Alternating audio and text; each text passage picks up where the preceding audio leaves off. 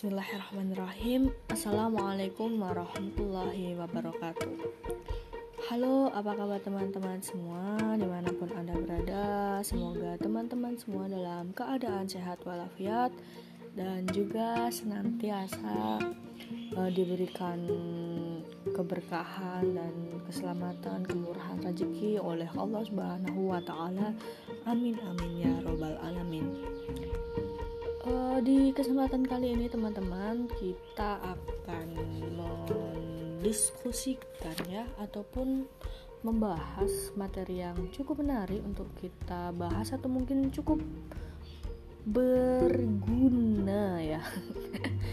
Oke, okay, kita akan membahas tentang teori-teori belajar. Um, seperti yang kita tahu, pasti kita tahu apa itu belajar Nah, teman-teman, ternyata belajar ini memiliki teori-teori uh, belajar tersendiri yang dikemukakan oleh beberapa ahli.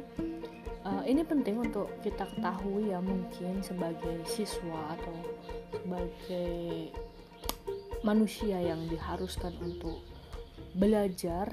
Uh, penting untuk kita ketahui uh, akan lebih berguna apabila kita ketahui teori-teori belajar ini sehingga kita dapat menemukan suatu pola ya mungkin teman-teman semua masih mengalami kesulitan uh, bagaimana pola belajar kita ataupun cara belajar kita sudah tepat atau belum dalam menerima informasi dari uh, guru ataupun informasi dari media. Oke, okay, uh, kita lanjutkan uh, tentang teori belajar yang pertama adalah terkait dengan teori belajar behavioristik. Nah, di garis bawah ya teman-teman, behavior. Uh, behavioristik berasal behavior. Ini dapat diartikan belajar melalui kebiasaan. Ini, ini berdasarkan pemikiran saya sendiri. Nah, apa itu lebih lanjut uh, tentang teori belajar behavioristik merupakan proses perubahan tingkah laku sebagai akibat adanya interaksi antara stimulus dengan respons yang menyebabkan kita atau peserta didik mempunyai pengalaman yang baru. Nah, dengan kata lain, menurut teori behavioristik ini, belajar merupakan suatu bentuk perubahan yang dialami peserta didik dalam hal kemampuannya untuk bertingkah laku dengan cara yang baru sebagai hasil interaksi antara stimulus dan respons. Nah, untuk aplikasinya sendiri seperti apa dalam kegiatan belajar mengajar? E, misal dalam pembelajaran, guru memiliki kemampuan dalam mengelola hubungan stimulus respons ini dalam situasi pembelajaran sehingga e, hasil belajar peserta didik ini dapat e, berjalan secara optimal. Nah, masukan dari guru yang berupa stimulus uh, dan juga peserta didik yang berupa respons ini uh, sehingga yang terjadi diharapkan antara stimulus dan respon ini dianggap tidak penting diperhatikan karena tidak dapat diamati dan diukur. Teori ini mengutamakan pengukuran sebab pengukuran merupakan suatu hal yang penting untuk melihat terjadinya perubahan tingkah laku. Oke, jadi uh, dapat kita um, garis bawah di sini bahwa teori belajar behavioristik ini mengutamakan pengukuran uh, bagaimana untuk melihat suatu perubahan tingkah laku dari uh, siswa ya.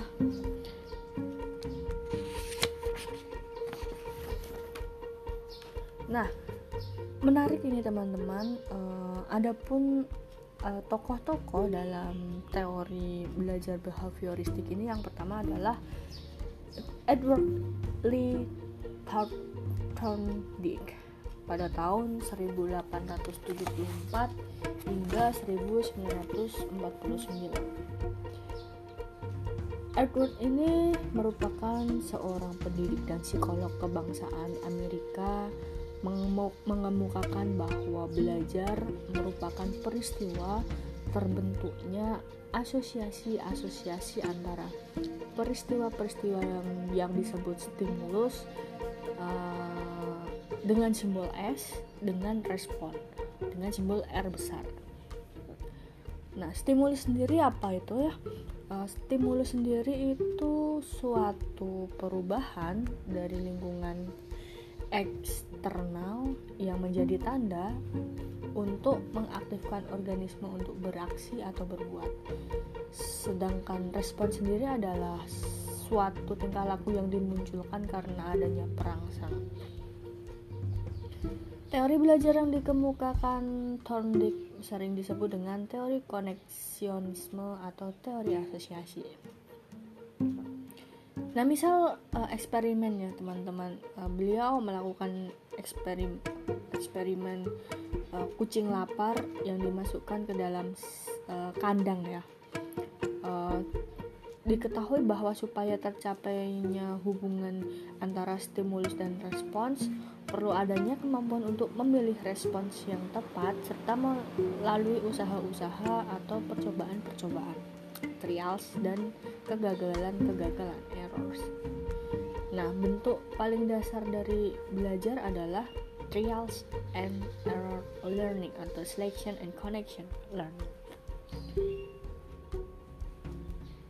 Nah, selanjutnya uh, Thorndike uh, mengemukakan bahwa terjadinya asosiasi antara stimulus dan respons ini mengikuti hukum-hukum yang pertama yaitu hukum kesiapan. Law of Semakin siap suatu organisme memperoleh suatu perubahan tingkah laku, maka pelaksanaan tingkah laku tersebut akan menimbulkan kepuasan individu, sehingga asosiasi cenderung diperkuat. Yang kedua adalah hukum latihan atau law of exercise, yaitu apabila asosiasi antara stimulus dan respons sering terjadi, maka asosiasi itu akan terbentuk semakin kuat uh, interpretasi atau makna dari hukum ini adalah semakin sering suatu pengetahuan yang telah terbentuk akibat terjadinya asosiasi antara stimulus dan respons yang dilatih atau digunakan, maka asosiasi tersebut akan semakin kuat. Dan yang ketiga adalah hukum akibat atau law of effect yaitu apabila asosiasi yang terbentuk antara stimulus dan respons diikuti oleh suatu kepuasan, maka asosiasi akan semakin meningkat. Hal ini berarti idealnya jika suatu respons yang diberikan oleh seseorang terhadap suatu stimulus adalah benar dan ia mengetahuinya, maka kepuasan akan tercapai dan asosiasi akan diperkuat. Berdasarkan hukum tersebut kita akan lebih jelas ya uh, gambaran tentang teori belajar behavioristik. Nah, yang kedua uh, tokoh-tokoh teori uh, teori belajar behavioristik ini dari Bruce Frederick Skinner pada tahun 1904 hingga 1990 uh, kita panggil aja Skinner ya. Uh, nama yang terkenalnya. Skinner ini merupakan tokoh behavioris berkebangsaan Amerika Serikat dengan pendekatan model instruksi langsung directed instructions. Dia meyakini bahwa perilaku dikontrol melalui proses operant conditioning. Gaya mengajar guru dilakukan secara searah dan dikontrol melalui pengulangan atau drill dan latihan atau exercise. Manajemen kelas menurut Skinner berupa usaha untuk memodifikasi perilaku behavior modification antara lain dengan proses penguatan reinforcement yaitu memberi penghargaan pada perilaku yang diinginkan dan tidak memberi ingatan apa pun pada perilaku yang tidak tepat. Di dalam uh, Skinner melakukan eksperimen ya di dalam laboratoriumnya uh, beliau memasukkan tikus yang telah dilaparkan dalam kotak yang disebut Skinner box.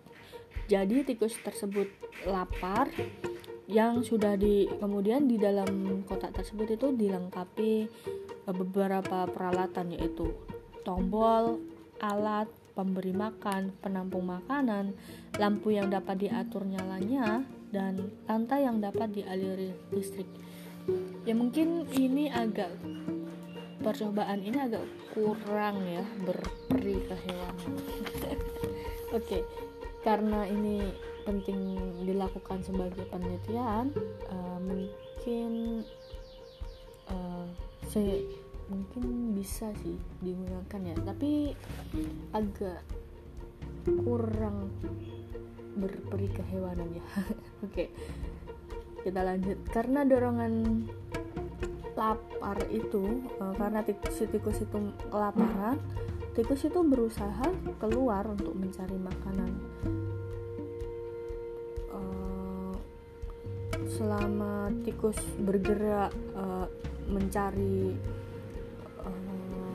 jalan keluar tidak sengaja uh, si tikus itu menekan tombol uh, merah ya uh, tombol merah nggak tahu ya merah uh, kita sebut kalau tombol merah itu mengeluarkan makanan ya nah secara terjadwal diberikan makanan secara bertahap sesuai dengan peningkatan perilaku yang ditunjukkan si tikus. Proses ini disebut shaping. Berdasarkan hasil percobaannya pada tikus dan burung merpati, Skinner menyatakan bahwa unsur terpenting dalam belajar adalah penguatan reinforcement. Nah, maksudnya adalah pengetahuan yang terbentuk melalui stimulus respons akan semakin kuat bila diberi penguatan. Skinner membagi penguatan ini menjadi dua yaitu penguatan positif dan penguatan negatif. Penguatan positif sebagai stimulus dapat meningkatkan terjadinya pengulangan tingkah laku, sedangkan penguatan negatif dapat mengakibatkan perilaku berkurang atau menghilang.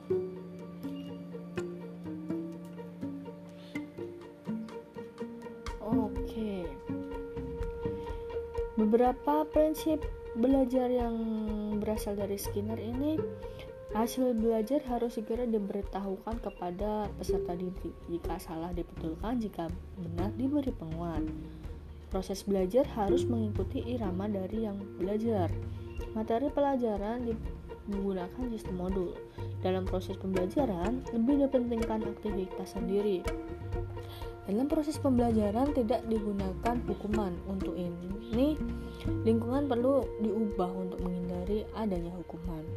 Tingkah laku yang diinginkan pendidik diberi hadiah dan hadiah diberikan dengan digunakan jadwal variabel rasio reinforcer. Dalam pembelajaran digunakan shaping. Um, mungkin dalam percobaan Skinner kita dapat uh, ambil gambaran ya uh, ada sedikit unsur pemaksaan ya dalam proses pembelajaran dalam tanda kutip ya. Dalam teori behavioristik dari tokoh Skinner ini. Tapi ini penting untuk kita jadikan sebagai rujukan. Yang ketiga adalah Pavlov.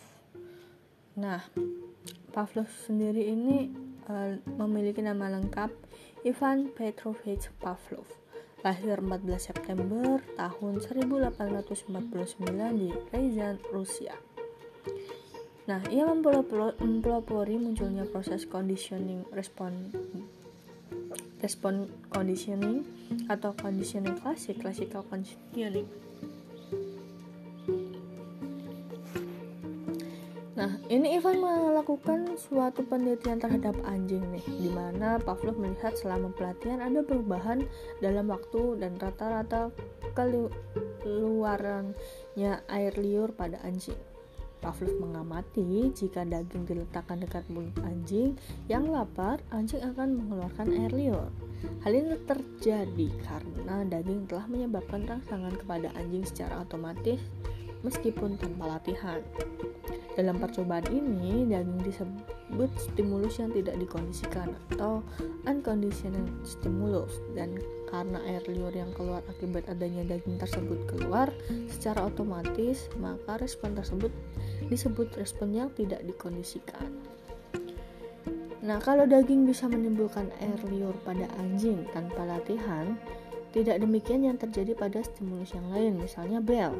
Karena stimulus tersebut tidak menimbulkan respons, maka disebut stimulus netral atau neutral stimulus. Berdasarkan eksperimen Pavlov jika stimulus netral dipasangkan dengan daging dan dilakukan secara berulang-ulang, maka stimulus netral berubah menjadi stimulus yang terkondisikan dan memiliki kekuatan yang sama untuk mengarahkan respons anjing seperti ketika ia melihat daging. Proses ini dinamakan classical conditioning.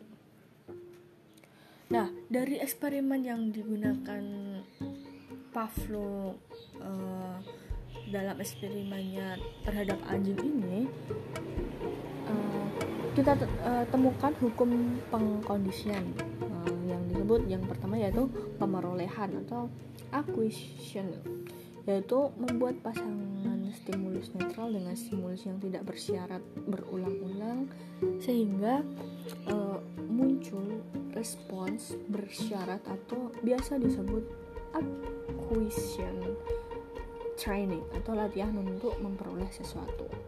Yang kedua, pemadaman atau extension. Artinya setelah respon terbentuk, maka respon akan tetap ada selama masih diberikan rangsangan bersyarat yang dipasangkan dengan rangsangan yang tidak bersyarat. Kalau rangsangan tersebut diberikan dalam jangka waktu yang lama tanpa ada penguatan, maka besar kemungkinan respons bersyarat tersebut menurun atau padam.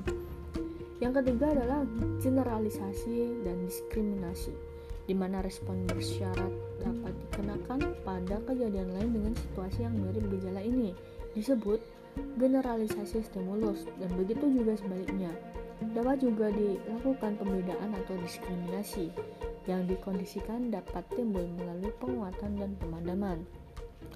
Dan uh, hukum pengkondisian yang terakhir yaitu kondisi tandingan, counter conditioning. Pada kondisi jenis ini, respons bersyarat yang khusus digantikan respons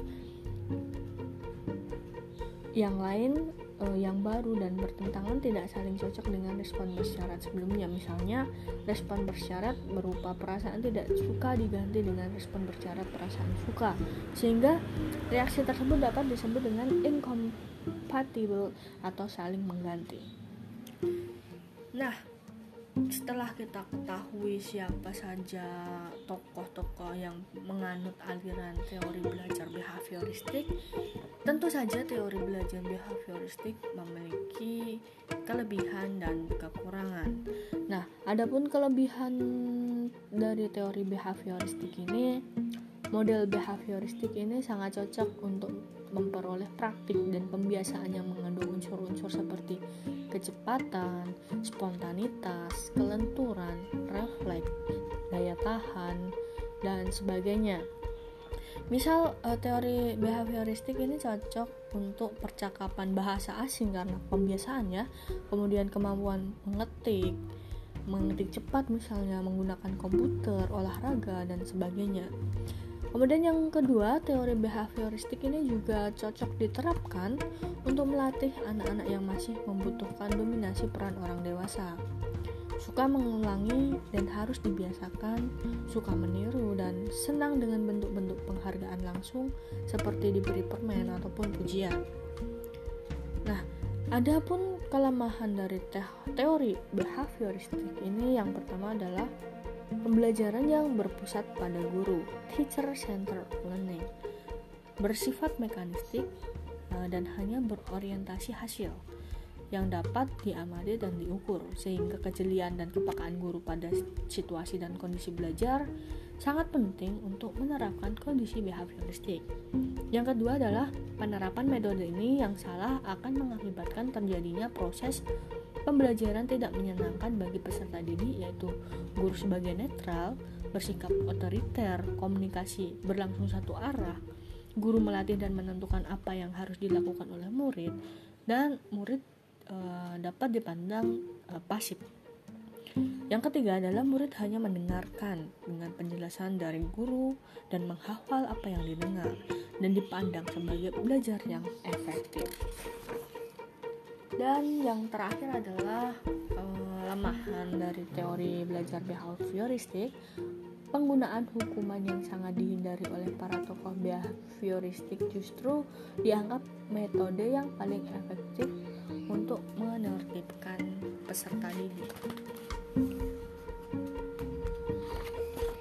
Nah, kan eh, kita tahu ya teman-teman eh, dalam pandangan beberapa tokoh Skinner, Pavlov dan uh, siap tadi untuk sangat pantang untuk menerapkan hukuman dalam teori behavioristik sehingga uh, akan menimbulkan suatu pola pola yang baru ya uh, atau ketakutan tersendiri bagi peserta didik.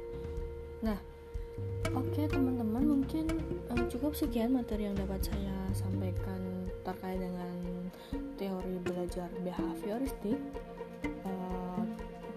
Mohon maaf jika terdapat tutur kata yang kurang berkenan di hati teman-teman semua.